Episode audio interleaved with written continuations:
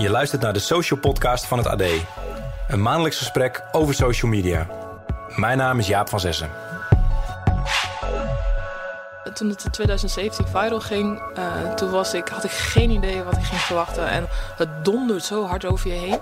BuzzFeed, alle, het is overal geweest. New York Times, alles. En dan bellen ze weer op van Vice. Ja, we saw this, bla bla bla. En can you come to LA next Tuesday? Ik weet dat er hele lijnen zijn met uh, t-shirts en kleding met mijn werk erop. Het gebeurt vooral in China en Rusland heel veel, waar ik dus echt niks voor krijg. Dat, dat trekt me helemaal niet persoonlijk aan, maar daar kwam ook die reactie op van... Uh, ja, ik weet waar je woont en uh, kom je verkrachten.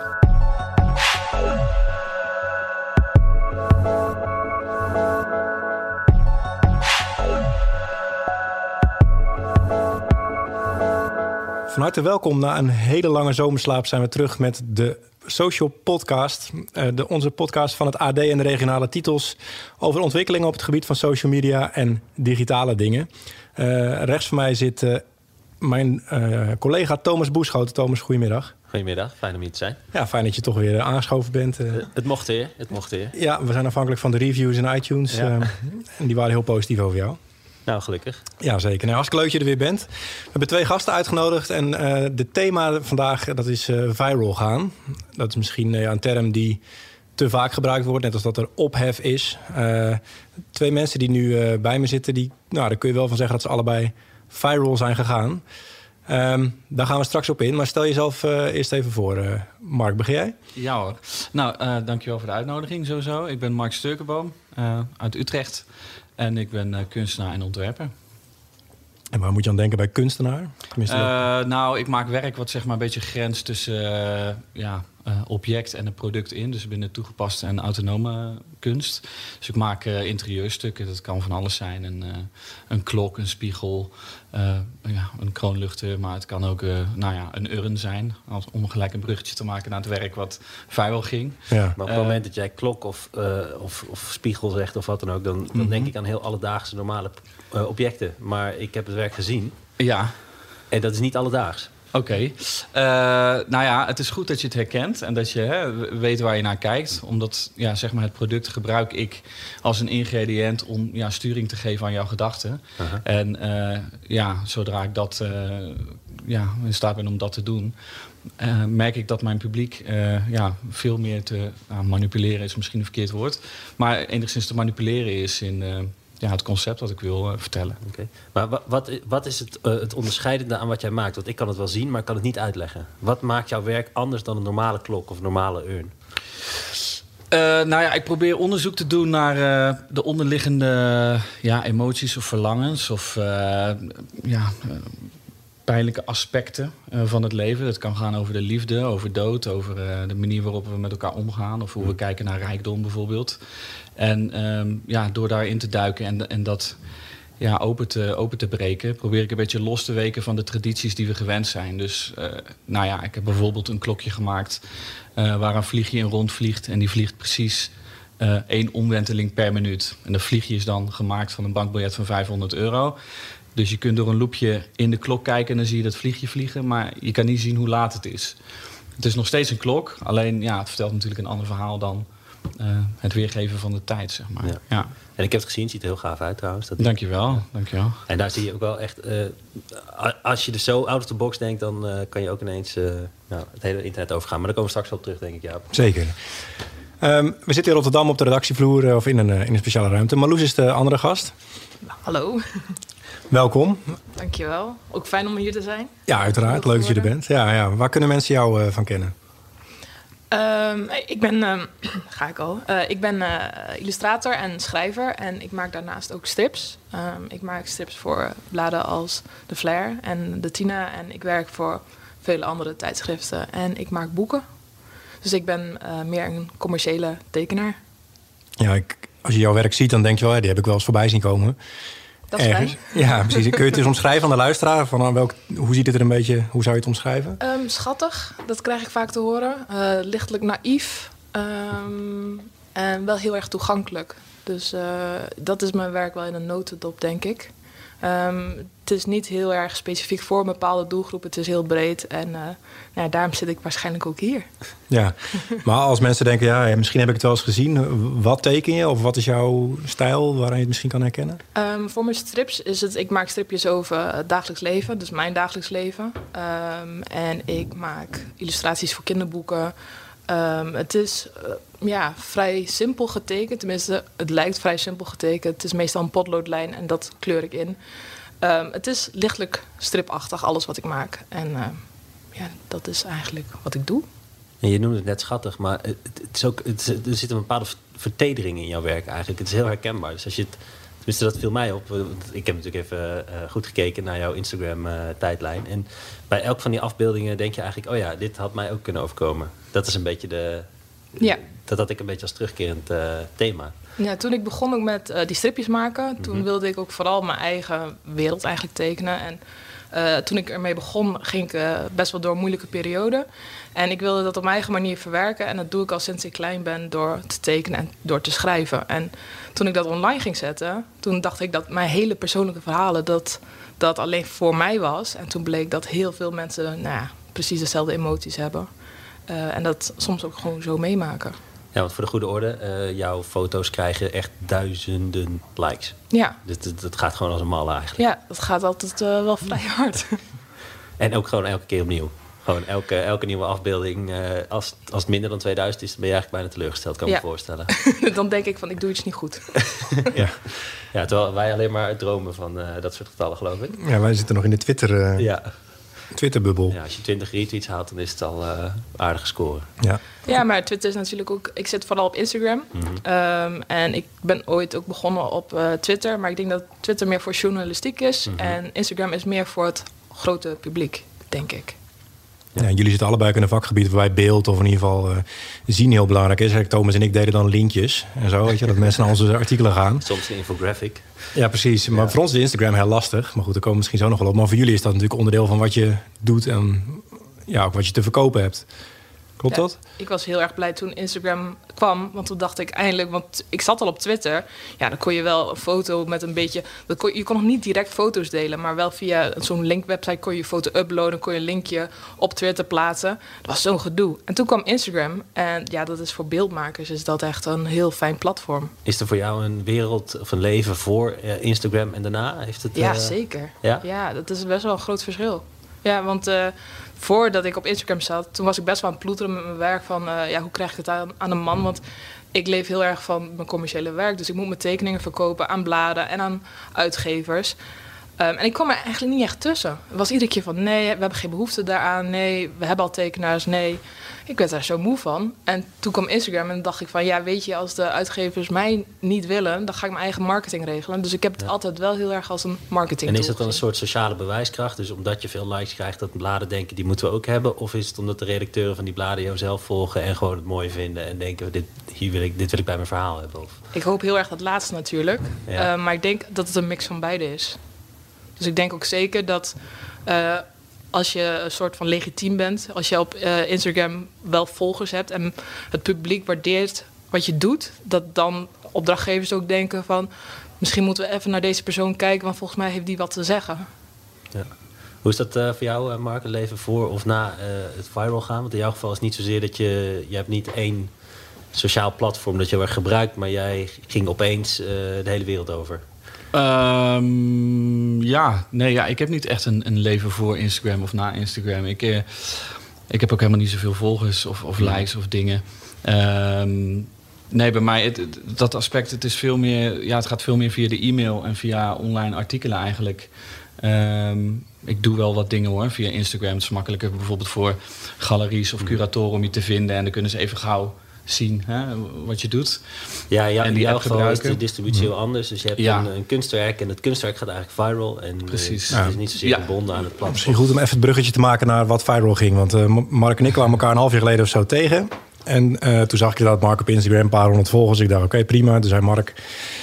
We zaten voor zijn congres en met elkaar te praten. Mark zei, ja, ik ben viral gegaan. Toen dacht ik, één oor in, ander oor uit. Ik denk, ja, dat zeggen wel meer mensen dat, die viral, dat ze viral zijn gegaan. Dus ik, ik knikte een beetje. Ik zei, ja, oké, okay, prima. En ik weet niet hoe waarom. Maar even later uh, begon hij er weer over. En toen zei hij van... Uh, toen ging hij vertellen wat er echt gebeurd was.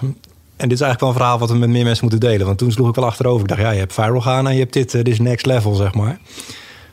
Um, waar zullen we eens beginnen? Wat hij gemaakt heeft misschien. Ja, laten we daarmee beginnen. Uh, nou, het object dat viral is gegaan uh, over het werk zelf. Uh, het is een herinneringskistje met daarin een urn. En in dat kistje herbergt eigenlijk alle mooie herinneringen die een weduwe heeft aan haar overleden man.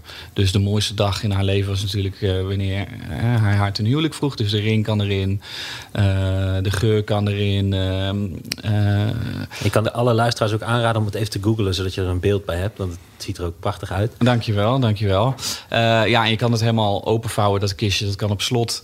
Uh, die sleutel is ook aan profiel, het gezicht dan van, van de persoon in kwestie die overleden is. En in de urn, daar zit een, een gouden capsule. Uh, en in die gouden capsule, in die urn, uh, daar past precies 21 gram as. En de mythe is een beetje dat als iemand overlijdt... Ik zou je een heel lang verhaal besparen van een arts in Amerika dat heeft onderzocht. Maar Um, ze zeggen dat je 21 gram lichter bent op het moment dat je overlijdt. Dus dat de ziel zo zwaar weegt. Dus ik dacht, nou, dat is een mooie verwijzing. Dus je kunt daar precies 21 gram as in stoppen. En de vorm van het glas, ja, dat verwijst zeg maar naar een seksuele intimiteit... die je ook niet meer hebt. Um, ja, want even plat gezegd, het is gewoon een dildo. Uh, nou ja, dan, dan stel je het heel plat. Maar inderdaad. Uh, Wat is het inderdaad. Dan? En uh, nou ja, kijk, het is, het is voor mij veel meer een, een verwijzing. Want, en tegelijkertijd um, moet het dat ook zijn.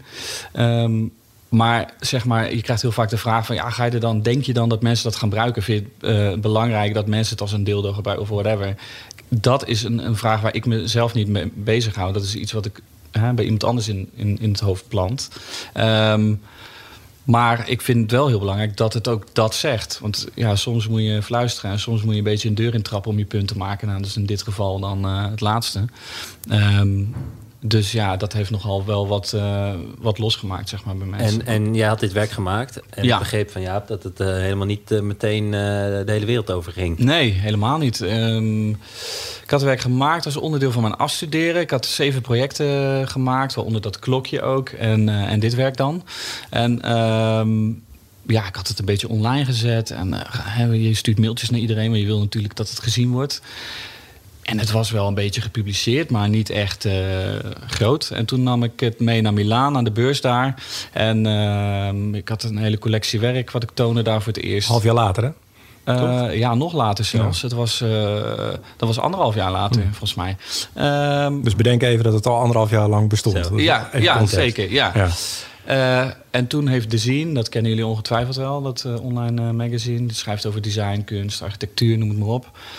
Die stuurde mij een mailtje, want die waren bij mij ja, op de expo geweest in Milaan. En uh, ja, we hebben wat vragen, we willen iets uh, publiceren. Dus ik heel, helemaal goed. Dus we hadden een beetje mailcontact gehad. En een week nadat ik terug was uit Milaan, ik had een beetje zo'n kaart van het werk. En ik ging net naar Italië en even weer naar Italië om, om te ontspannen.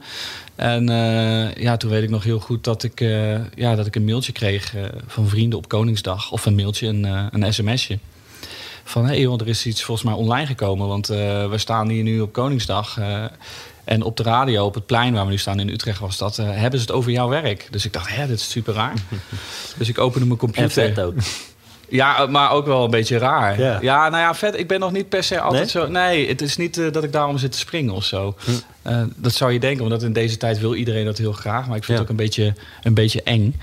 Um, dus um, um, nee, ja, ik dacht, ik ga eerst even online kijken van wat is er dan aan de hand. En toen zag ik dat, um, ja, dat de zien dat artikel had geplaatst. En toen opende ik mijn mail. Ja, en die stroomde al gelijk vol. Het waren je. De eerste de keer dat ik hem open al 100 e-mailtjes. Aan het einde van de dag waren het er 500. Dan, uh, kopers, journalisten. Nou ja, noem, noem, iets op. Ja, tijdschriften, radiostations, kranten. En toen dacht ik, hé, hoe kan het nou van één artikel? En uh, toen was ik nog niet zo met Google Alerts bezig. Want dat had ik toen net, uh, ging ik die dag dus installeren. Hm. En toen zag ik dat, ja, weet ik veel, 300 andere websites hadden dat artikel overgenomen. Of ja, verbastering ervan. Of, en ook online gezet. Ja. Dus ja, toen, binnen een week was het gewoon dit, overal. Dit verhaal en dit product klinkt ook een beetje als iets wat Jaap en ik in ons werk uh, heel graag zouden willen ontdekken. Weet je wel? Dus je ontdekt een verhaal waar iedereen heel enthousiast over is. En dat is eigenlijk een argument om er, nou ja, om er als, uh, als krant ook uh, wat over te willen schrijven. of, of als website, zeg maar. En dus op die manier ging het eigenlijk viral. Iedereen nam het van elkaar over. Ja, dat was het eigenlijk. Dus, dus de, in de eerste interview had ik natuurlijk wel wat vragen met de zien. En zij maakte gelijk een pakkende titel van... Uh, Weet je nog wat your was? dead husband in, uh, in een sex toy. Cheers. Of zo. Weet je gewoon, je kent het wel, zo lekker Ja. clickbait-achtig. En ehm, maar toen dacht ik, dat, dat mist al wel een klein beetje de nuance. Hè? Want dat is eigenlijk wat er net ook gebeurt. Van, ja, maar kom nou, het is een dildo, toch? We willen alles heel erg zwart-wit. Het moet in een hokje, want de luisteraars of de mensen die het zien... moeten weten waar we het over hebben. Maar daar speel jij natuurlijk mee. Ik speel er wel mee, maar ik noem Want je het hebt het zelf... niet voor niets zo ontworpen. Zeker, nee, zeker. Het heeft het ook zeker nodig. Maar ik heb een urn ontworpen in een, in een kistje. Ja. Maar dat grijze gebied, dus zeg maar net als met een klokje... dat mensen zeggen, ah, het is geen klok of het is geen... dat, mensen willen niet in een grijs gebied leven. Ze willen gewoon verdomme weten, waar kijk ik naar, weet je wel? En het moment dat je dat een beetje uitgumt... dat wordt, eh, wordt complex. En eh, ja, dat vind ik ook wel heel erg spannend. Dus, dus ehm, ja, ik gebruik dat zeker wel. De verwarring ook als een ingrediënt in mijn werk. We gaan even terug naar die vakantie in Italië die je wilde Ja. gaan doen. Dus je kreeg van vrienden door, je bent overal te Ja, horen. ja, ja. Jij was onderweg naar Italië. Ja, ik was toen nog, eh, sorry, ja, ik was toen nog net thuis. Eh, ik ging volgens mij een dag of twee dagen later. Wat dacht je? Wat voelde je toen? Ja, ik schrok heel erg. Want ehm, ik schrok heel erg. Want het, ik, ik- ja, de, re- de eerste golf van reacties waren niet per se. Hè, internet, laat ik, laat ik even vooropstellen. Je hebt het, het, het publieke domein en het private domein. En privaat is veel meer met daadwerkelijk geïnteresseerden, musea, galeries, hè, vak, vakgenoten, praat je over het werk. En, en ehm, het publieke domein, het internet. Eh, en het internet is anoniem. En, en ja, dat zijn mensen die, die scrollen de hele dag op hun telefoon en ze zien iets. En ze reageren daar, daarop. En, en ja, verder heeft, ja, ik wil niet zeggen dat het geen betekenis heeft, maar het is een totaal ander, eh, andere dialoog. En de reacties zijn in alle kleuren, vormen en maten. Haat, eh, liefde, eh, alles zit ertussen. Ja, maar je moet je, moet je ook, je moet je ook realiseren dat natuurlijk de mensen die normaliter reageren op internet, dat zijn niet de mensen die er rustig over nadenken of zoiets laten bezinken of zoiets. Dat zijn altijd mensen die zitten in een soort uiterste. De re- die reageren primair op die, op die heftige kop die erboven staat. Of die, die, Precies, eh, zoals ik, ik en heel veel mensen die ik ken, die zouden nooit reageren online op een artikel of op een Ja. kunstwerk. Dan heb je het wel over Facebook en zo. Of... Ja, de- de- gewoon, eh, ja, tegenwoordig kun je op al die artikelen kun je ook daaronder gewoon een, een reactie plaatsen. Facebook, Instagram, nou, noem het maar op. de zwijgende meerderheid die... eh, Ja, dus de mensen die zich uitspreken zijn natuurlijk al wat, wat vrijer en heftiger Ja. eh, van aard. Maar in het begin waren de reacties... eh, ja man, ik kreeg op dag één al doodsbedreigingen. Eh, Dat waren er al een stuk of Dan twintig. slaap je, slaap je daar dan minder, minder om? Of zeg je van... nou, Nou, ik moet heel eerlijk zeggen, nu, het was zeg maar, dit was wel zo heftige viral dat, dat ik wel, ja, in het begin, ja, de eerste paar nachten was ik wel ook, omdat eh, de eerste nacht ging ook mijn telefoon constant af. Die heb ik daarna ook snel uitgezet. Ehm, maar ja, als je doodsbedreigingen krijgt en ook mensen die dat vrij expliciet doen en eh, veel uit Amerika, Mhm. conservatieven, en, nou ja, ik hoef je niet uit te leggen hoe dat werkt. Ehm, ja, dat doet wel wat met je. Maar dacht je niet Ja. één moment van... de wereld ligt nu aan mijn voeten. Nu Nee. gaat het gebeuren. Nee, geen seconde. Nee? Nee, omdat ik, omdat ik, eh, ja, ik denk wel bij mezelf, eh, ga online en iemand, eh, weet ik veel, die stapt dronken uit een auto met zijn broek op zijn knieën en dat gaat viral. Dat wil niet zeggen dat zo'n persoon of degene die dat filmpje uploadt een grote ster wordt of beroemd wordt. Dat is wel de reden waarom we jullie ook uitgenodigd hebben. Kijk, jullie zijn allebei vanuit je werk. Heb je er belang bij dat iets van... nou, jullie zijn viral gegaan. We komen nog bij jou zo, Marloes. Met jullie werk. En uiteindelijk is dat wat je graag wil. Een journalist wil Ja. graag dat zijn artikel veel gelezen wordt. Een kunstenaar hoopt dat zijn werk door heel veel mensen gezien wordt, denk ik. Ja, Kijk, je hebt natuurlijk van eh, vorige week alweer een kopschopper in eh Spijkenisse. Hartstikke triest. Ja, zo wil je niet in het nieuws. ja. Ja. je hebt heel veel trieste verhalen. hoe je ook viral kan gaan. ja. Maar als je met iets viral gaat wat je werk is, lijkt mij dat is toch wat je eigenlijk wil. Ja, dat, dat is de perceptie van heel veel mensen. En, en ik denk dat daarom ook, ik weet, niet- ik weet natuurlijk niet hoe dat bij jou is, maar ehm, ja, daarom mensen denken dat exposure daadwerkelijk altijd gelijk iets voor je oplevert. Daarom word je altijd nog steeds gevraagd om gratis ergens iets te doen, een lezing te geven. En Noem het maar op, omdat zo van, hè, eh, dit levert jou wel iets op. Maar dat, dat, dat zijn twee totaal verschillende werelden. Misschien zien wel iets meer mensen je werk, maar dat wil echt gewoon niet zeggen, in mijn geval, dat je daardoor ook meer werk verkoopt. Helemaal niet. Dus dat je iets meer in gesprek kan gaan over je werk. Dat, dat. Ja, want Ja. je stapt nu heel snel door inderdaad. Zullen we de tijd dan afmaken of we naar Marloes gaan? Nou, ik, ben wel even benieuwd hoe eh, Marloes hierop reageert. Want ik zie jou eh, kijken, maar je hebt, je hebt misschien het werk niet gezien. Maar kan je er een voorstelling bij maken bij wat, eh, wat Mark hier allemaal omschrijft? Eh, nou, ik ben wel heel erg een beelddenker, maar ik denk dat ik heel erg mijn eigen beeld ervan heb gemaakt. Ehm, ja, ik kan me er wel iets bij voorstellen hoe het eruit ziet. Ja. En ik vind dat wel interessant, want nu ben ik wel heel nieuwsgierig en nu wil ik het straks gaan googlen en dan wil ik erin duiken. Nou, ik zal het je straks laten zien. Ja.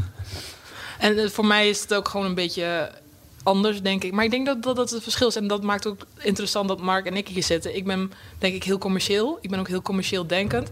En Mark is veel autonomer. Dus dat maakt deze twee kanten van het verhaal ook weer heel interessant natuurlijk. Want we zijn allebei eh, beeldmakers, maar op een heel andere manier. Ja. En je hebt misschien ook een iets toegankelijker product of zo, wat, wat makkelijker aan te schaffen is. Ja, ik denk bepaald- niet dat eh, eh, het product van Mark bij de Action of de nog straks Nee. komt te liggen. Nee, dus eh, dat zou met mijn werk hoop ik echt niet. Maar Het zou kunnen. Het, het is, ja, dat zou kunnen. Hoop ik niet. Fingers crossed. Zullen we het tijd- tijdsplan even afmaken bij Mark? Of, eh, Ja, sure. Want eh, goed, je stapt in het vliegtuig, dat gebeurt. Het is natuurlijk wel opvallend ook. Dus jij bent Nederlander eh, en via een Engelstalige site. Ik weet niet of ze gekoppeld zijn aan een bepaald land ook. Die, eh, Eh, nou ja, het is gewoon in het Engels, maar het is zo- zo'n gewoon beetje... wereldwijd. Ja, Ja. wereldwijd wordt dat wel eh, gewoon bekeken. Ze hebben een enorm groot bereik. Wat Ja. eigenlijk Vice. eh, of, Nee, Nee, nee, sorry, nee. dit gaat over de zien. Ja, Oh, die dat- dat ja, eerste ja, ja, artikel ja, ja, plaatst. ja. Ja, Dus en dat was eh, in 2014. Ja.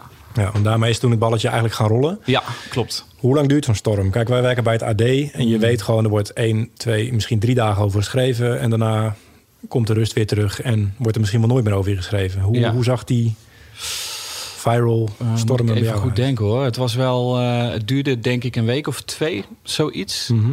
Eh, dat het echt aan de lopende band doorging. Hadden mensen ook Eh, door dat je in Nederland zat? Bijvoorbeeld de Nederlandse media of zo? Ja, ik van RTL had ik wat dingetjes, eh, weet ik veel, van die, van die boulevard achter. Ja, ik weet niet eens meer, joh. Ehm, heel veel van die eh, vragen krijg je van dat ze willen komen ze even filmen of zo, of je studio willen ze zien. Of, ehm, en toen was ik wel een beetje bang voor dat Tinkerbell effect. Je kent het wel, de kunstenares met de tasjes van eh, katten. Nou, leg me even uit. Wel- Ja, nou ja, die, die eh, hele leuke opvattingen heeft, eh, vind ik, over, eh, hè, over, over haar eigen werk. En dat goed kan, eh, kan uitwerken ook. Ehm, en, en zij zag het volgens mij, als ik daarvoor voor haar mag spreken, als een rol om ook daadwerkelijk heel erg zelf eh, die dialoog op te zoeken. Ehm, en ik, ja, ik niet. Ik vind dat mijn werk dat eh, moet doen, eh, voor een groot gedeelte. En ehm, kijk, als het gaat over een wel eens niet eens of over een, nou ja, even die, die vijf minuten met je kop op tv of iets, dat, dat vind ik super, ja, dat vind ik niet echt per se interessant. Dus ik heb eigenlijk al die dingen ja, afgehouden. En misschien drie dingen die ik gedaan heb in die. eh, wel buiten Nederland, dat vond ik ook wel belangrijk. Ehm, dacht ik doe dan een paar dingen van mensen die echt inhoudelijk geïnteresseerd zijn. En dat heb ik wel gedaan. Ja, Ja. Maar wij hebben ook een video gezien eh, van Vice, ja. Viceland. En ja, vergeleken daarmee is dit een heel erg saai interview, denk ik, kan ik me zo voorstellen. ja eh, Wat, eh, eh, ja, wat we daar zien, en misschien moeten we het even omschrijven voor, eh, voor de luisteraars. Ja, misschien is het verhaal hoe Mark daar terecht ja, kwam. eh, ja, Nou ja, het is dus, hè, je stelt net de vraag van eh, je gaat viral en dat houdt dan een paar weken aan. Eh, met dit werk was dat ook een paar weken. En ehm, ja, toen dacht ik van oh, op een gegeven moment is het klaar. Ik bedoel, die e-mail, e-mailtjes gaan altijd wel door. Je, je, je houdt nog wel wekelijks drie e-mails van eh, hey, I saw this, you fucking asshole. Of I love it, you're a genius. Weet je wel, gewoon eh Ja. zulke soort dingen. Dus dat ging wel een beetje door. Maar om de drie maanden of zo kreeg het weer een enorme opleving. Dus ik bedoel, we zitten nu in 2019 en dat Vice-item waar je naar refereert, dat heb ik eh, nou ja, vijf, zes maanden geleden opgenomen in Los Angeles. Ik bedoel, dat is alweer jaren nadat het vijf. Op een gegeven moment denk je, nou, iedereen heeft het nu gezien. Weet je wel? Dan was er een artikel online en dat, dat was dan eh, binnen, weet ik veel, binnen drie dagen was het anderhalf miljoen keer bekeken.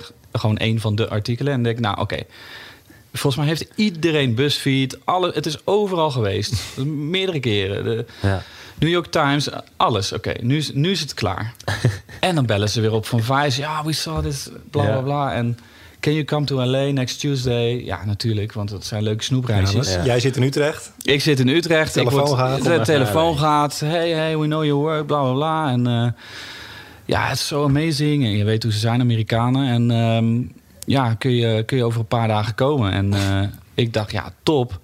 Dus eh, ja, alles werd betaald. Dus ik, ik ging daarheen voor het interview. Ik heb er een week, klein weekje gezeten. En eh, ja, je hebt het gezien. Hè? Het komt Nee. trouwens volgende week of over twee weken in Nederland eh, Ja. op televisie. Volgens mij, eh, ja, ik, ik, mag, ik weet niet of ik zenders mag noemen. Maar Ja, in ieder geval, ja, het is op Ziggo te bekijken op eh Viceland. Eh, volgens mij binnen de komende twee weken. En het programma heet Viceland's Most Expensivest. Kans best groot dat het AD hem dan ook krijgt. En Ja, we zetten hem onder deze podcast natuurlijk. Ja, leuk. Maar het is echt een tamelijk bizarre video. Ja, want het is een interview met twee of één rapper, hè? Ja, het is een rapper. eh, Zo ziet hij er ook uit. trouwens. Ja, eh, Two Chains heet hij. Ik moest hem even googlen, maar ik, ik ken hem wel van een liedje wat ik wel eens in mijn auto draai. Ze hebben Eh, allebei ook een zonnebril op tijdens het interview. Ja, het is, En- het is heel erg Amerikaans natuurlijk. En ehm, ik kwam daar met mijn Nederlandse kleding, dus ik zweet een beetje.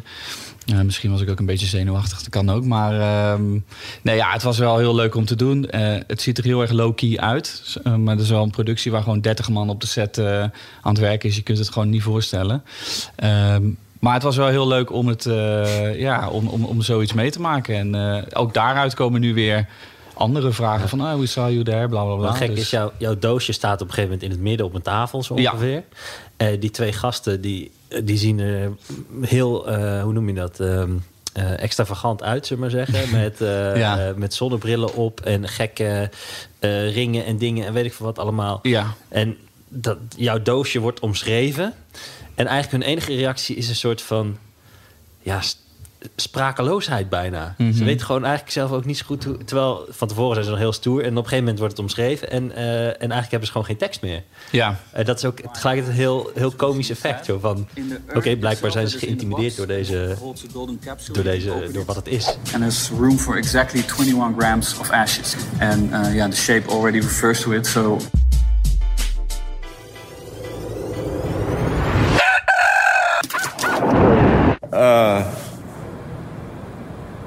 What you think about this, Trevor? Uh, I know, right? Me too. Me too. Thinking the same shit. Uh. What do you think? Dat Ja. effect heeft jouw kunst blijkbaar. Ja, nou moet ik ook zeggen, dat klopt wel wat je zegt. Het is natuurlijk ook een beetje slimme montage hier en daar eh, in het item. Ehm, maar eh, ja, kijk, voor mij is het, het werk. Ik heb er al zo vaak over gepraat. Dus komt dat wel. En is het ook een heel normaal ding. Ik vind het ook helemaal geen gek idee of zo.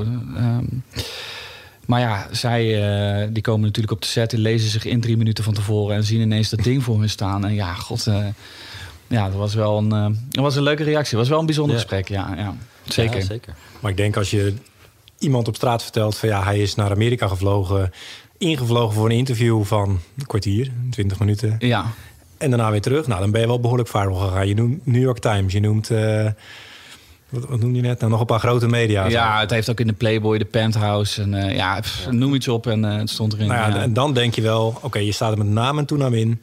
Dat moet toch je doorbraak zijn? Of wat, moet, wat heb je daaraan gehad? Nee, eh, nee maar ik, ik, dat meen ik echt oprecht dat ik nooit heb gedacht van... eh, dit is een doorbraak voor mij als mijn werk. Omdat ik, ik zie dat viral gaan echt als... Nogmaals, je kan hier nu naar buiten lopen... en ik maak een stom filmpje voor jou met je broek op je enkels... Ja. en je hebt een viral te pakken. Maar dit gaat over je werk, wat ik net zei ook.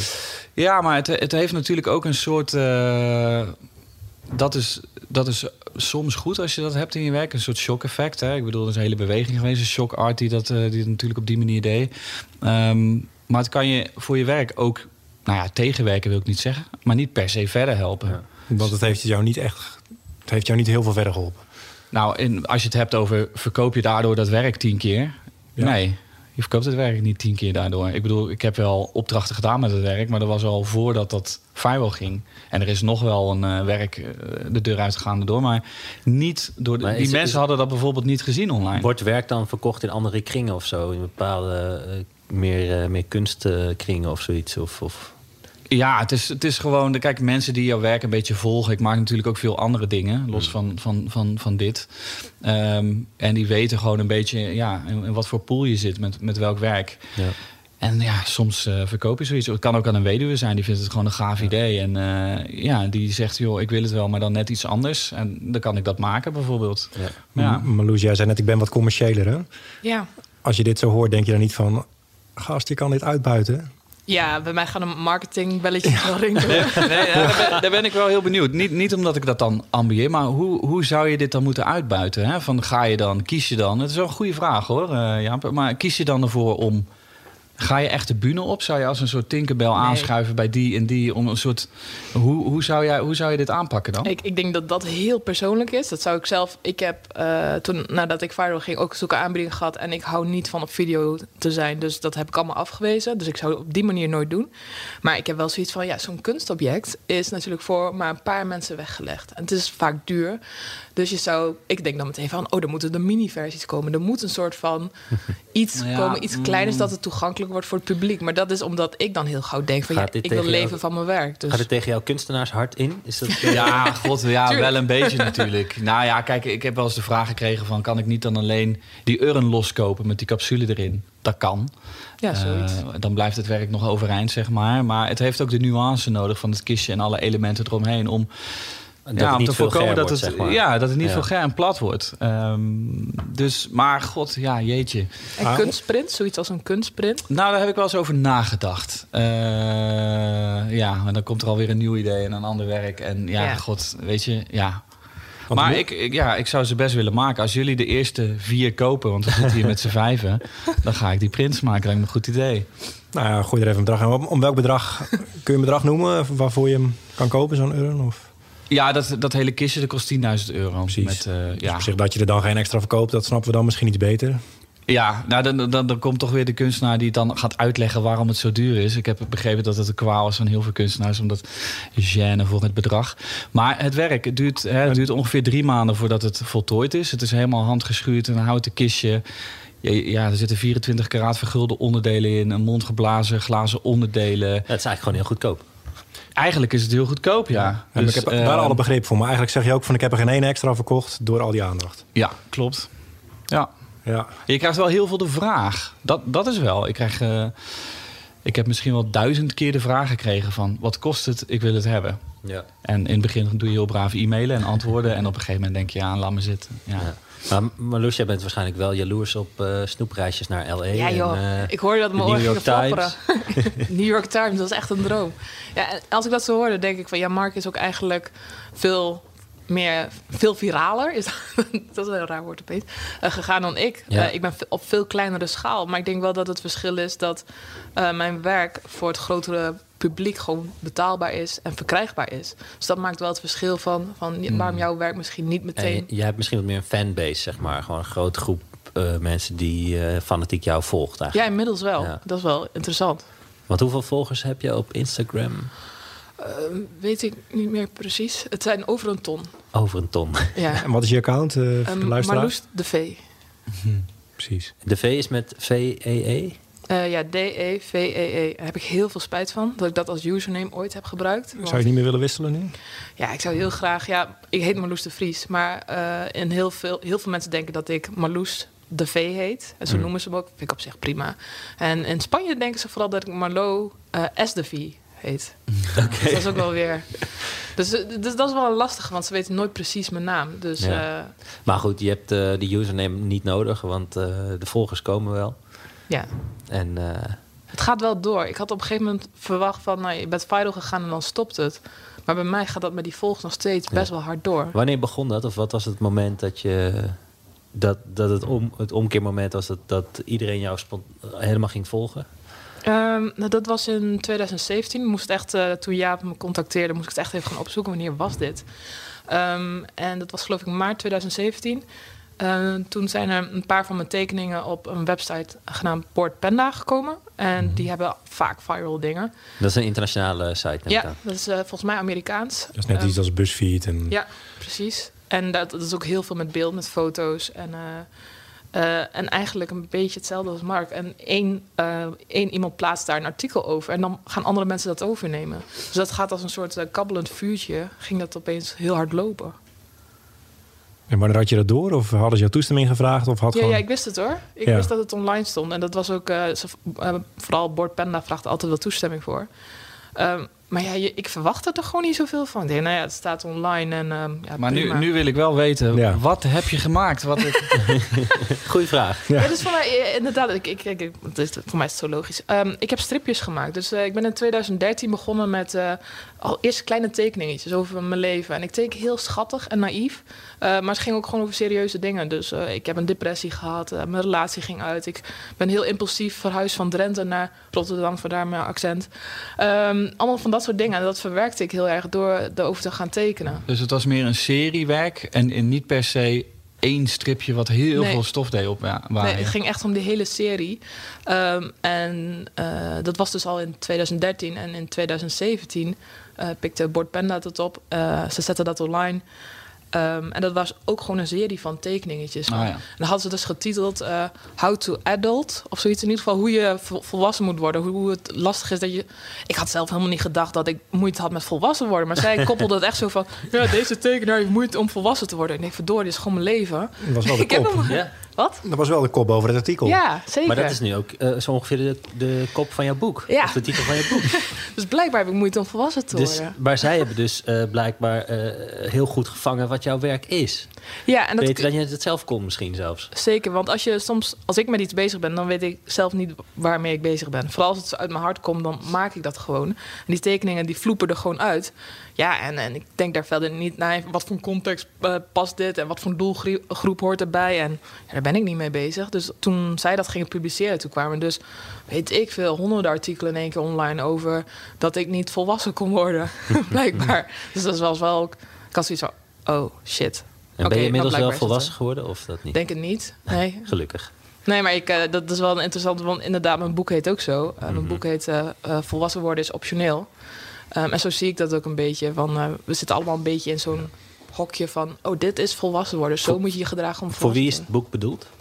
Eh, nou, de uitgever heeft het eh, gemikt op 17 tot 35 jaar. Dus dat is best wel een grote doelgroep. Dus eigenlijk de doelgroep die volwassen begint te worden. Totdat je het eigenlijk hoort te zijn, denk ik.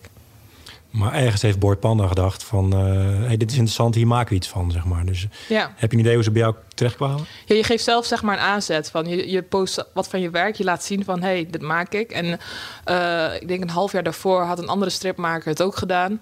En die zei toen tegen mij, hey Marloes, doe dat ook. Ga, stuur gewoon wat werk heen en dan kijk hoe het gaat. Oké, gewoon echt naar de Panda zelf. Oké.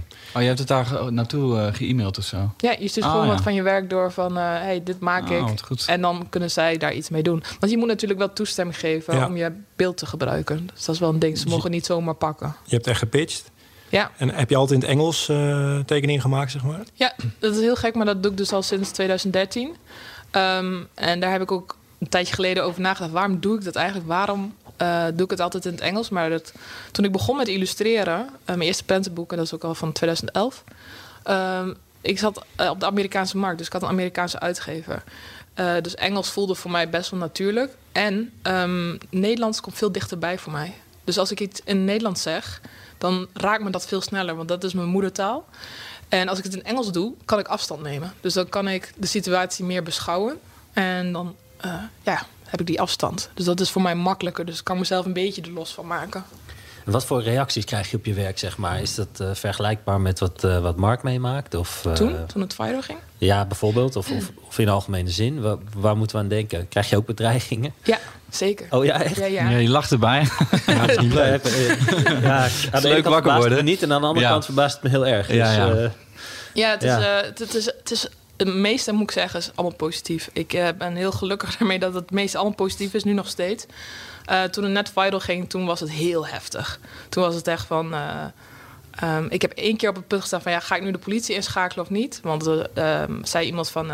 ik heb uitgezocht waar je woont en ik kom je verkrachten. och, Dus dan denk je wel van... is dit het punt waar ik de politie ga inschakelen? Of, eh, heb ik niet gedaan. Ehm, ik had zoiets van, volgens mij is het gewoon een zielepoot. En de meeste mensen die negatieve reacties achterlaten, zijn gewoon zielepoten. Die hebben gewoon moeite met hun eigen leven, reflecteren dat op jou, omdat zij niet zo lekker in hun vel zitten. Dus dan denk ik, ach, ja, het is eigenlijk best wel sneu. Maar dan voor jou dezelfde vraag als voor Mark. Heb je daar, heb je daar last van gehad? Heb je daar minder om geslapen? Of hoe, eh, Ja, zeker. Toen het net, eh, toen het in 2017 viral ging, eh, toen was ik, had ik geen idee wat ik ging verwachten. En het dondert zo hard over je heen. Ik heb het niet zo extreem gehad als Mark hoor, bij lange na niet. Maar ik vond dat al heftig genoeg dat het eh, over me heen donderde. En die negatieve reacties en positieve reacties. En dat je telefoon opeens de hele tijd afgaat en dat je continu mails krijgt. Ja. Terwijl je het zelf ook zegt, je maakt eigenlijk heel onschuldige, vertederende persoonlijke eh, stripjes. En Ja, want ja. bij Mark kan ik me nog wel voorstellen dat dat bij sommige mensen schuurt. Weet je, dat, dat, dat, dat, daar raak je echt iets mee. Maar ik maak echt gewoon ik, Waarom, waarom krijg je dan een doodsbedreiging? Bij welke cartoon? Of, Eh, nou, die, dat van het verkrachten, dat was bij een stripje, nou eigenlijk gewoon een tekening, eh, waar ik eh, liet zien van hoe je klaar kon zijn voor de zomer met je bikini. Want dat is natuurlijk een ding. Oh, Vrouwen ja, zitten ja. altijd nu al begint dat van, oh ik moet afvallen, ik moet op dieet, want ik moet straks in een bikini. En ik had zoiets getekend van, ja, doe even normaal, trek gewoon een bikini aan en je bent klaar. Ja, En, en wat voor tekeningetjes zat daar dan bij? ja, er zit dan eh, een. Ik had het erbij gezet van bikini ready in three steps. Dus dat eerste plaatje van kleed je uit, trek je bikini aan, tada, je bent klaar. Dus je Ja. hoeft niet per se te diëten. Dus het is heel simpel en heel toegankelijk. Ehm, en daar kreeg ik ook wel heel veel reactie op van voornamelijk mannen toen. eh, van dat vrouwen dik waren en dat vrouwen maar moeite moesten doen. En eh, dat, dat trekt me helemaal niet persoonlijk aan. Maar daar kwam ook die reactie op van eh, ja, ik weet waar je woont en eh, kom je verkrachten. Jezus. Maar ik denk, het, is- het is zo, ja, die. ja. ja, we- ondertussen Ja. laten we hem even zien hier. fantastische Ja. tekening. Ja, en als ik het dan zo herkenbaar. zie, vind ik het gewoon zo eh, heel lievig en heel... eh, Nou, en jouw gezicht staat natuurlijk niet op. Tenminste, dit zijn natuurlijk altijd tekeningen. Dus je wordt niet direct herkend. Mhm. denk Ja. ik. En jij bent natuurlijk wel, eh, Mark, wel... eh, Nou, in het begin niet hoor. Want in het begin, daar was ook, dat was ook mijn angst. Ehm, ik wilde mijn gezicht nergens bij hebben. Want ik merkte al heel snel, het kan heel snel persoonlijk worden. Hè? Van, ik weet hoe je eruit ziet, ik weet waar je woont. Dus ik wilde dat echt een beetje... eh, Dus ik had geen foto's eh, online in het begin, de eerste, het- dat eerste jaar van het viral gaan. Maar ja, er heette nog iemand, dat vond ik wel heel grappig. eh, Heel grappig. De- ja, er zijn wel meer mensen die Mark Sturkenboom heten. Waaronder een of andere advocaat. ook uit Utrecht volgens mij. en, dus ik zag zijn hoofd ineens overal bij die websites voorbij komen. En ehm, toen dacht ik, ja, grappig dat, dat ze hem pakken. Hij zal het misschien niet eens weten. En toen later eh, kreeg ik een keer, eh, jaren later... Toen waren we ehm, ehm, uit op een of ander festival. Eh, en, en toen waren, ja, waren wat mensen bij die nummers met elkaar... Oh nee, god, het was een bruiloft. Het was een bruiloft. En toen werden wat nummers uitgewisseld voor taxis en zo. En mensen die je niet kent, zie je dan ineens in zo'n WhatsApp-groepje. En ehm, toen kreeg ik maanden na die bruiloft... kreeg ik een appje van iemand. Oh, hey Mark, en eh, kijk nog even naar die en die... want die cliënt komt morgenochtend, bla, bla, bla, bla, bla. Was dus de directe collega van die advocaat, die Mark Steukenboom. die appte per ongeluk mij... terwijl ze die Mark Steukenboom van de foto... Nou, ik weet niet hoe het nu- samenkomt, maar dat vond ik heel erg grappig. En haar heb ik Maar- toen wel even doorgespeeld van... Hey, Maar heb je, die, je hebt hem nog opgezocht of zo? Of, eh, Nee, ik had wel gezegd van, eh, je- wel grappig, want jouw collega, dat is een beetje mijn, eh, ja, hoe noem je je dat? alter ego dan Ja, maar. mijn ghostwriter geworden op, eh, op, op, eh, op internet. Dus eh, Ja. volgens mij heeft ze Maar daar pas wel op een als leuk hij gesprek over advocaat is, voordat je het weet. eh. Ja, ja, dan ben je aan de beurt. Ja, Ja. zeker, ja. ja. Dus, Hey, en als je, als je in zijn publiciteitsstorm zit, dan... Nou, ik, ik, ik hoor hier nog niet heel erg het genieten erin terug, zeg maar. Dat je denkt, ah, lekker. Ehm, maar krijg je daar hulp bij of zo? Want ik, wij hebben wel eens, nou ja, met columnisten vooral... dat ze soms een iets hebben waar ze ineens... Nou ja, Saskia nooit gestopt met Twitter, eh, Mm. eh, lees je dan... dat ze gewoon echt negatieve reactie Mm. krijgen. Dan kun je nog zeggen, dat komt door een column of zo. Dan kun je vanuit hoofdredactie nog zeggen... Nou ja, kunnen we misschien helpen of kunnen we misschien iets doen? Kregen jullie hulp? Of, of praten jullie met iemand die wel eens hetzelfde had meegemaakt?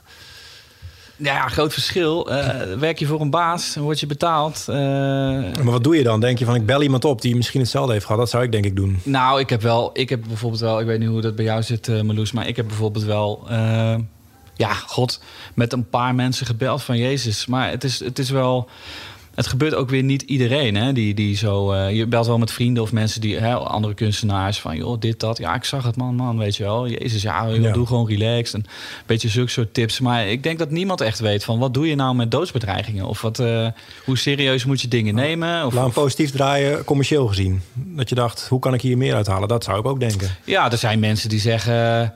Ja, go for it. Laat die, laat die eh, gasten komen van RTL of doe dit of doe dat. Ja. Maar het moet ook een beetje in je aard liggen. En dat, nogmaals, weet je, zo'n Tinkerbell... Die, die, die gaat gewoon de bühne op en die denkt gewoon... ja, boem, dit, ik ben onderdeel van mijn werk, dus kom maar door.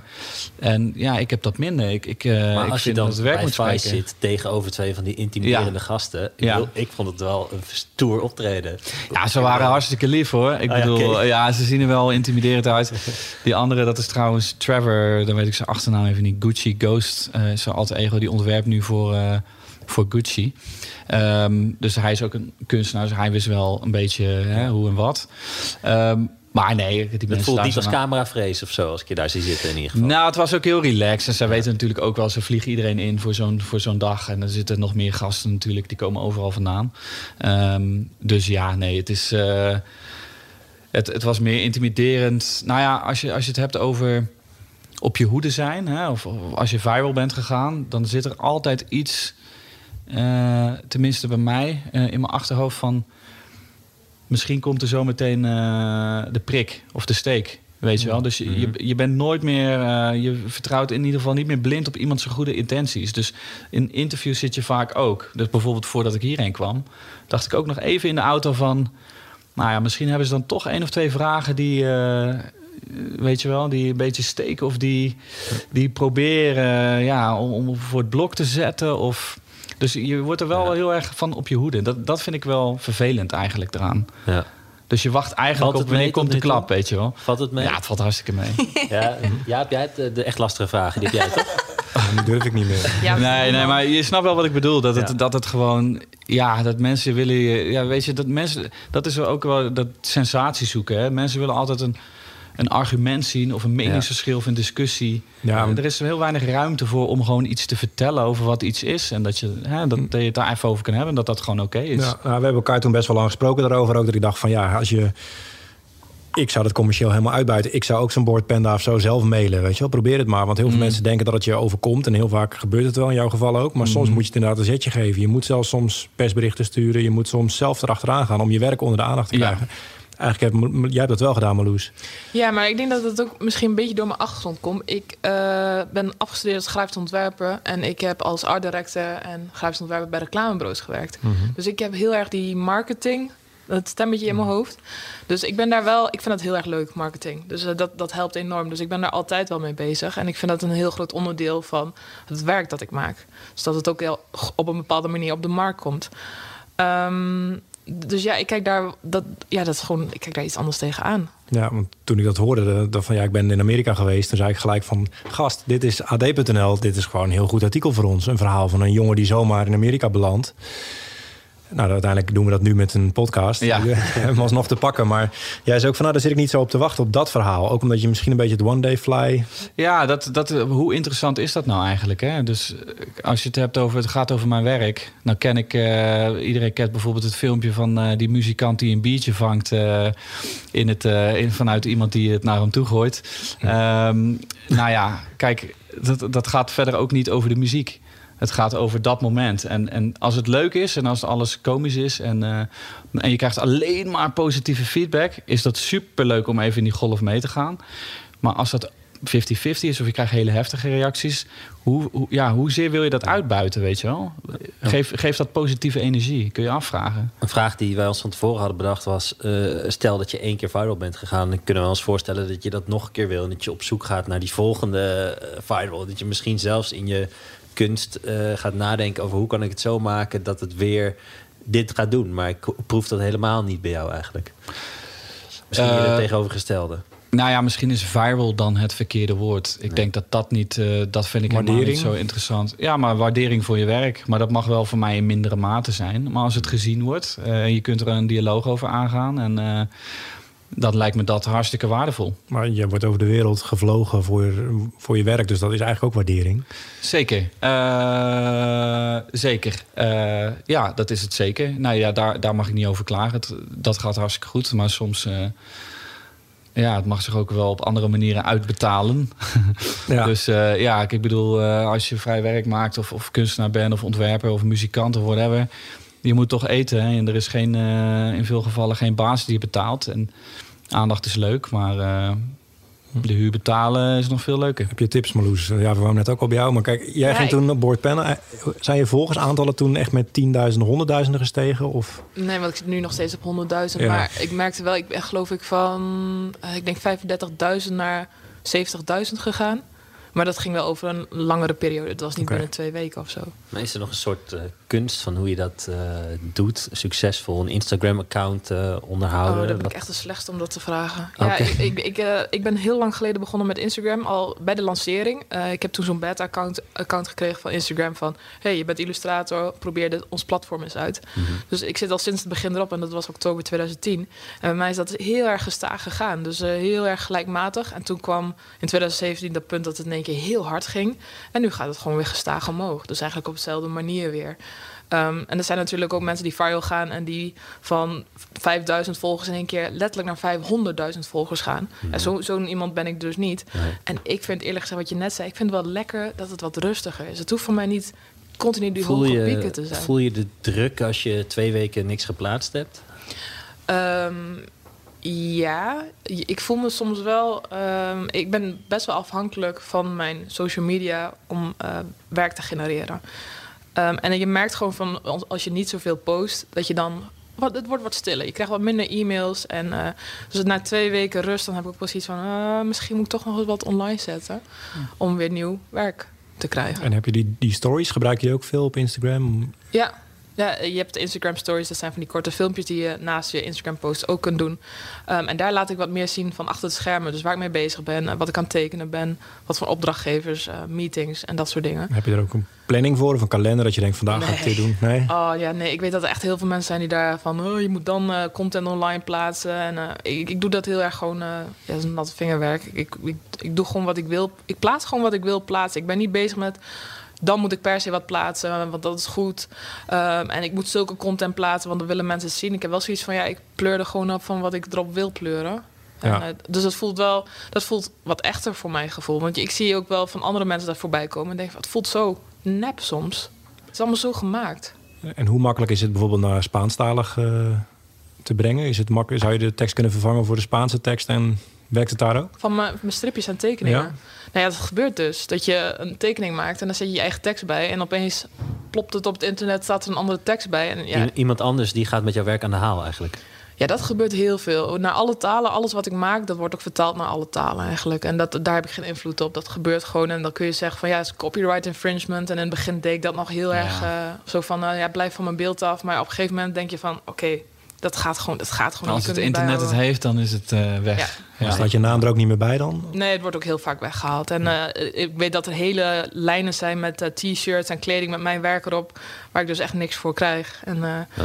het gebeurt vooral in China en Rusland heel veel. Daar doen ze dat heel veel. Het zijn hele lijnen met eh, notebooks en schriftjes en stickers, waar ook in Iran, daar hebben ze geen copyright. en hoe kom je daarachter?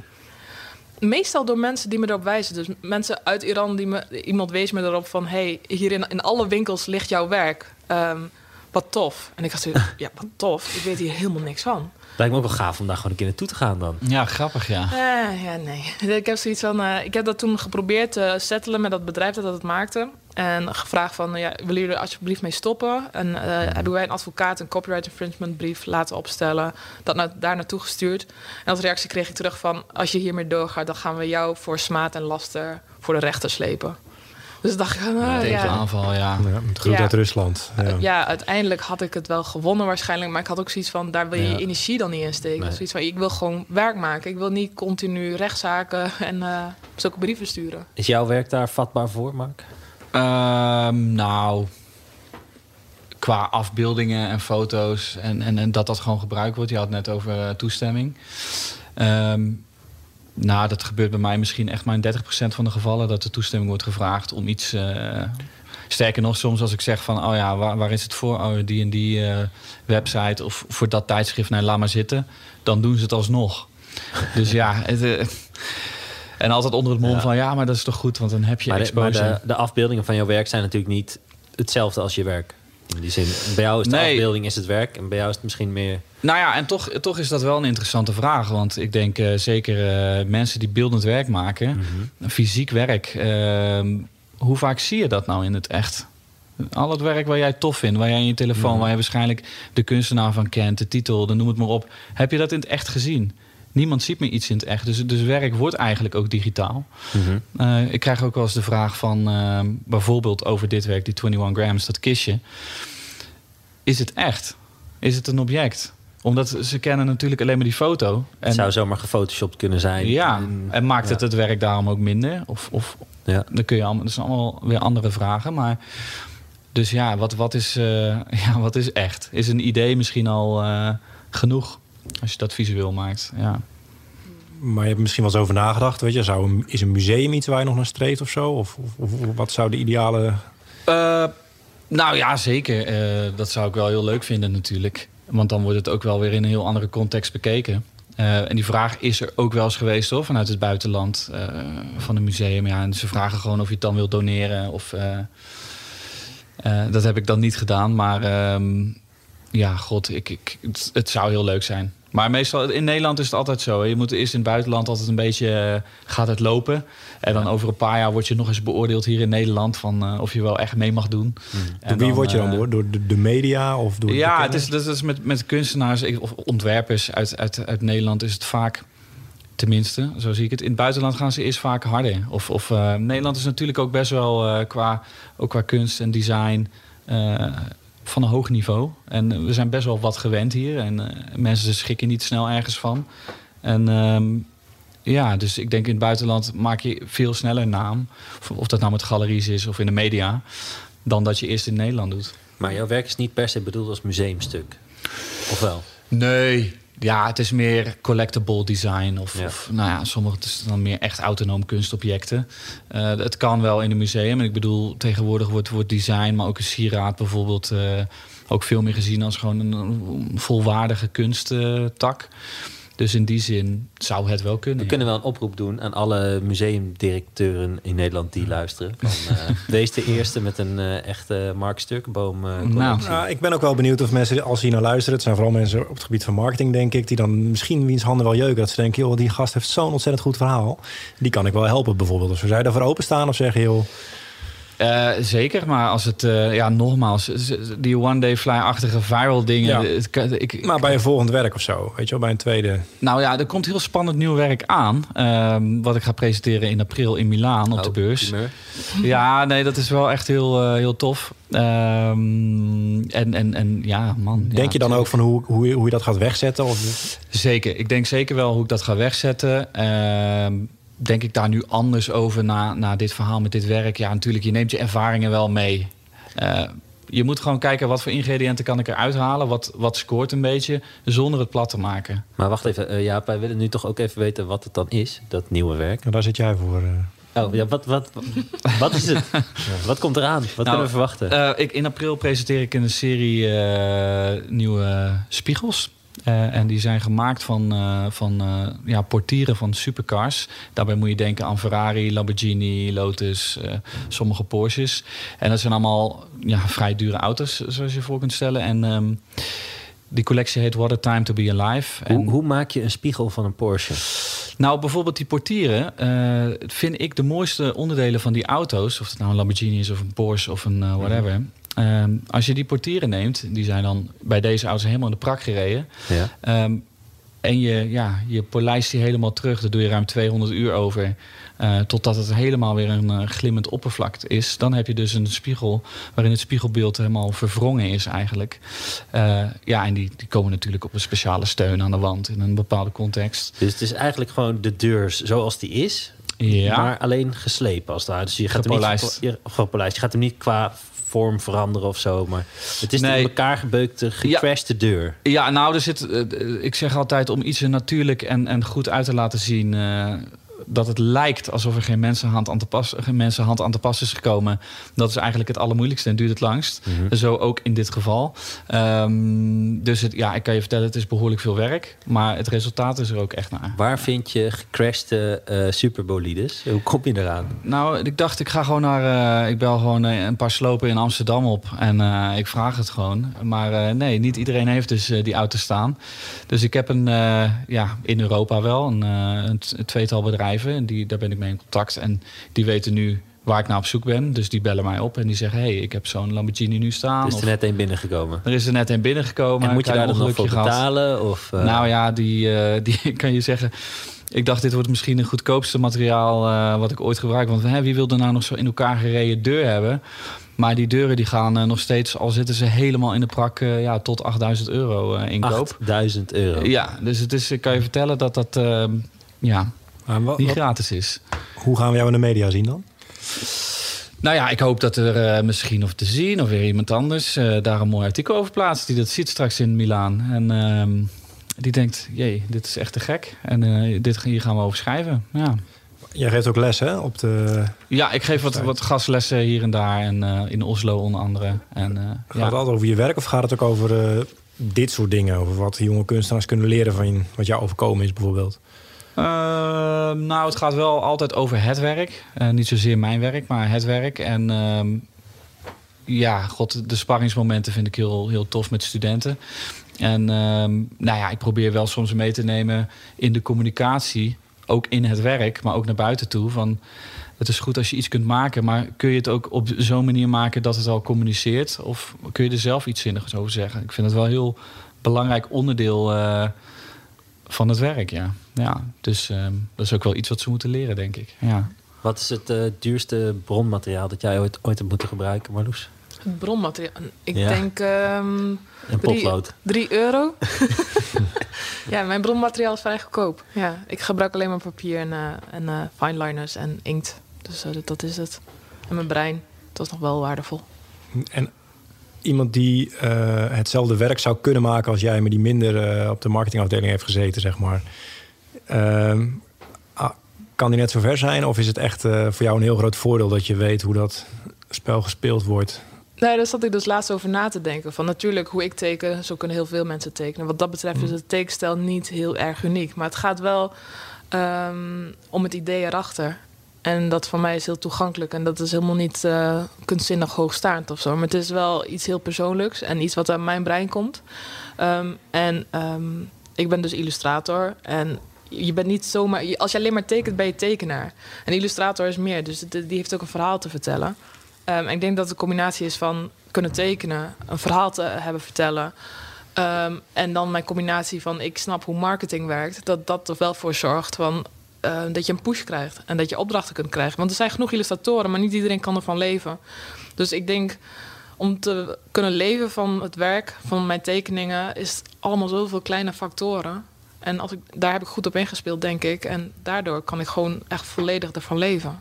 Maar hoe, hoe, mag ik vragen, hoe, hoe, hoe ziet jouw eh, handel eruit dan in jouw tekeningen? Hoe, eh, Handel? Ja, ik bedoel van, van hoe.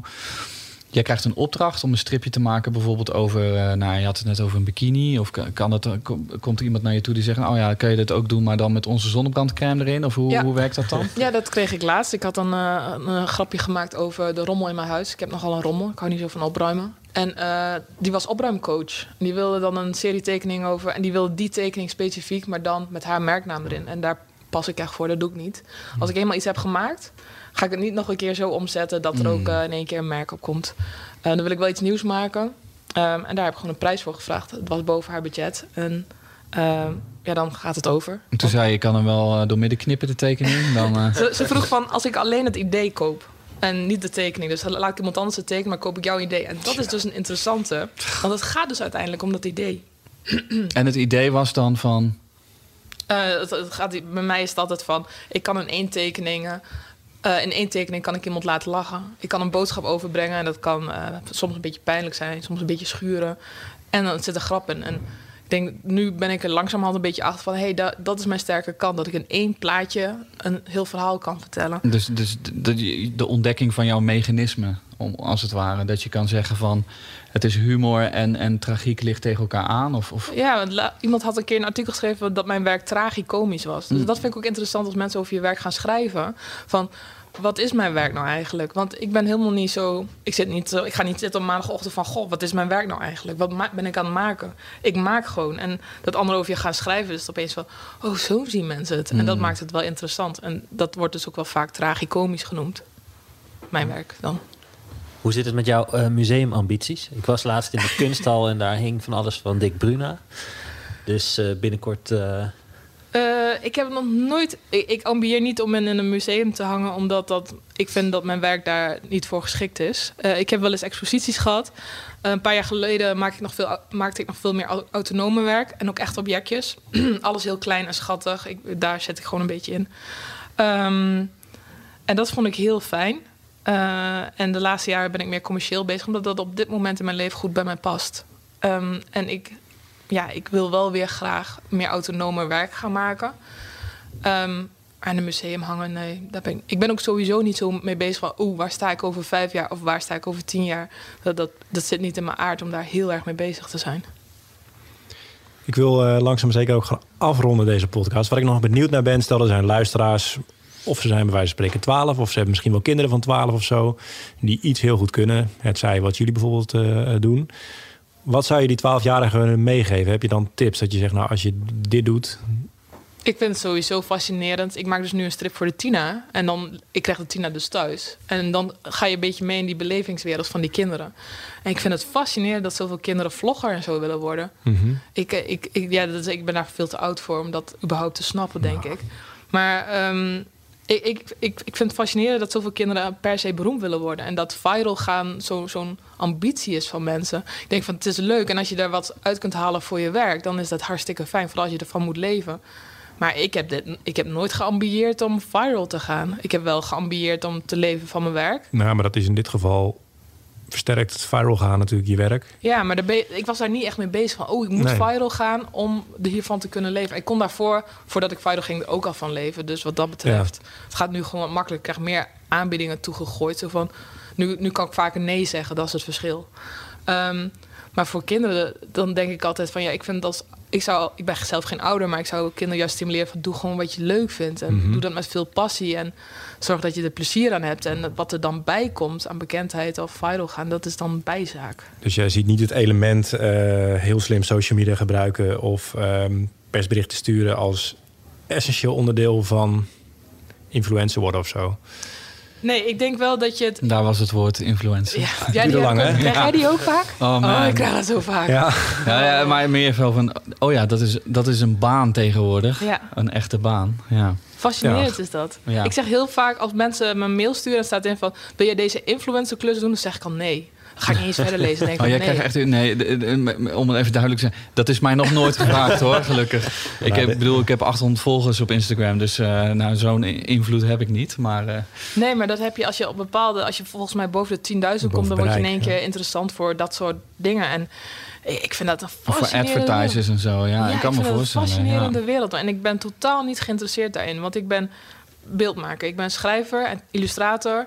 En dat wil ik doen. En ik wil niet een soort wandelend reclamebord worden van... "Huh, koop deze crème, dat is hartstikke goed. Ja, daar heb ik gewoon geen zin in. dat niet, maar het, het maakt je wel tot een autoriteit natuurlijk op een bepaald gebied. ehm. Ja, en daar ben ik me wel bewust van. Bijvoorbeeld als ik in mijn, op mijn Instagram zet van... ik gebruik deze potloden.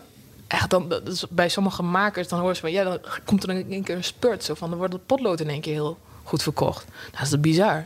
Dus als ik, iets, als ik ze allemaal zeg van spring in een sloot... dan gaat iedereen in de sloot springen. Het is maar een potlood. Het is maar een potlood. Het maakt niet uit of je nou een 2B potlood... en als jij liever met een 3B potlood tekent... prima. Maakt niet zoveel uit. Ja. Ja. Dezelfde vraag is voor jou ook, eh, Mark. Ik ben de vraag even kwijt. De vraag was wat je mee zou geven Aan een die mensen van 12-jarige. 12 die nu in de schoen staan waar jij vroeger in stond. Mm, of van die bijna afgestudeerde, bijna dertiger. Nou ja, laat ik zeggen, eh, je weet pas of het wat wordt ehm, door het eerst te maken of eerst te doen. En ik denk dat we veel mensen overspoeld worden nu, en dat ken ik ook van mijn afstuderen en noem het allemaal op, door de twijfel en, daar, en, en, de angst. Hoe, hoe, hoe, ja, hoe wordt het ontvangen? Of is er wel, wat is de context? Of wat is de doelgroep? En dat, dat kan heel verlammend werken. En ik denk dat heel veel mensen last van hebben door nu heel veel dingen dan te overdenken voordat ze iets doen. Maar volgens mij, als je een idee hebt en je gelooft erin, ja, dat is dan wel weer een beetje cliché. Maar je moet het eerst maken. Ehm, ja, en, en, en dan, dan ga je het wel zien. Dus als jij dat kistje maakt, dan zijn er tien versies aan vooraf gegaan die mislukt zijn. Of, eh, Nou, dat was een heel lang proces. Nou, misschien niet tien van die versies, maar wel in, in tekeningen en ja, ja, in kleine modelletjes. In... Nou ja, sterker nog, toen ik afstudeerde, dat was een beetje een gekke tijd. Mijn hoofddocent overleed ook toen. Uh, die, die was verdronken, Wilma Sommers, uh, waar ik heel veel aan heb gehad ook trouwens. Um, dat was een beetje een gekke tijd, dus de dood hing wel een beetje in de academie. En ik kwam dan met het werk zo en... Um, nou ja, ik weet wel dat ik uh, een paar docenten... Kijk, een paar docenten heb gehad die over dat werk... Ja, die, die, die waren daar gewoon... die stonden daar niet achter. En, en um, die zeiden, ja, als je hiermee komt zo op je afstuderen... ja, sorry, maar dit kan ik echt niet beoordelen. Ja, je kunt, omdat het uh, te nou zwaar ja, voor ze is? Of, of, uh... Nou, omdat het... Als wij alleen maar praten over dat werk en het bestaat niet... dan zeg je dat ik gek ben. Want dan denk je, ja, wat, wat ga je doen? Wat? En dan kun je het nog, je intentie nog zo goed uitleggen... maar niemand kan er wat mee, want het is lucht... Het moment dat je dat ding op tafel zet en het is fysiek, je kan eromheen, je kan het aanraken, dan weet je precies wat ik bedoel. En dan heeft het ofwel alle gevoeligheid in zich of niet. Maar als je het ding dus niet maakt en het blijft bij dat idee, dan heeft het al gefaald. Goed. Ik uh, wil je nog even de kans bieden om toch even een commercieel momentje te maken hoe mensen jullie kunnen volgen. als, uh, als mensen na dit gesprek denken, nou ik ben wel benieuwd wat ze maken en zo. Uh, gooi er maar even in. Um, nou, ik ben te volgen op vooral Instagram dus uh, met apenstaartje Meloes de V. En dat is het. En ik, ja. ik zit wel op Twitter, maar hetzelfde, het uh, Meloes de V. Maar daar doe ik niet zoveel mee. Check. Mark? Ja, Instagram uh, doe, doe, zit ik dan op. En uh, dat kan gewoon onder mijn eigen naam, Mark Sturkenboom. Ja. ja, of je website kan ook. Ja, ik heb een website, uh, marksturkenboom.com. En dan kun je wat meer zien van mijn werk. Ja. ja. Pak gelijk ook even een momentje voor de social podcast. We lagen een tijdje stil. We gaan zeker het linkje van Vice delen. Linkje naar jullie social accounts. Uh, we zijn druk geweest vanaf de zomer, tenminste uh, met het opzetten van meer podcasts bij het AD. Dus we hebben in het wiel, wielenpodcast, Formule 1 podcast, die heet Pitstop. AD Voetbal podcast, AD Media podcast, daar zijn we wel druk mee geweest. Uh, die worden een stuk meer beluisterd uh, dan die van ons. Uh, dat is ook helemaal niet erg. Met ons is beter. Precies. Dus, het gaat over het... de inhoud, hè? Ik bedoel... Ja, precies. We moeten toch leren als een kunstenaar naar onze podcast te kijken. Dus ik ben weer helemaal gerustgesteld. Um, nou, mocht je het leuk vinden, laat even weten um, uh, in iTunes of Spotify natuurlijk. Horen we commercieel gezien. Uh, dus we zijn toch commerciële rakkers hier bij het AD. Uh, toch te zeggen om zeker te abonneren. En, um, en we gaan nu door. Volgende maand zijn we er weer. Zeer waarschijnlijk met uh, Domien Verschuren van Key Music. Over podcast stel je vragen. Ik wil jullie ontzettend bedanken voor jullie verhaal, eerlijkheid. En ik hoop dat de mensen die geluisterd hebben er lessen uit geleerd hebben. En hebben jullie nog opmerkingen, laat het vooral via social media weten. Dankjewel en tot de volgende keer.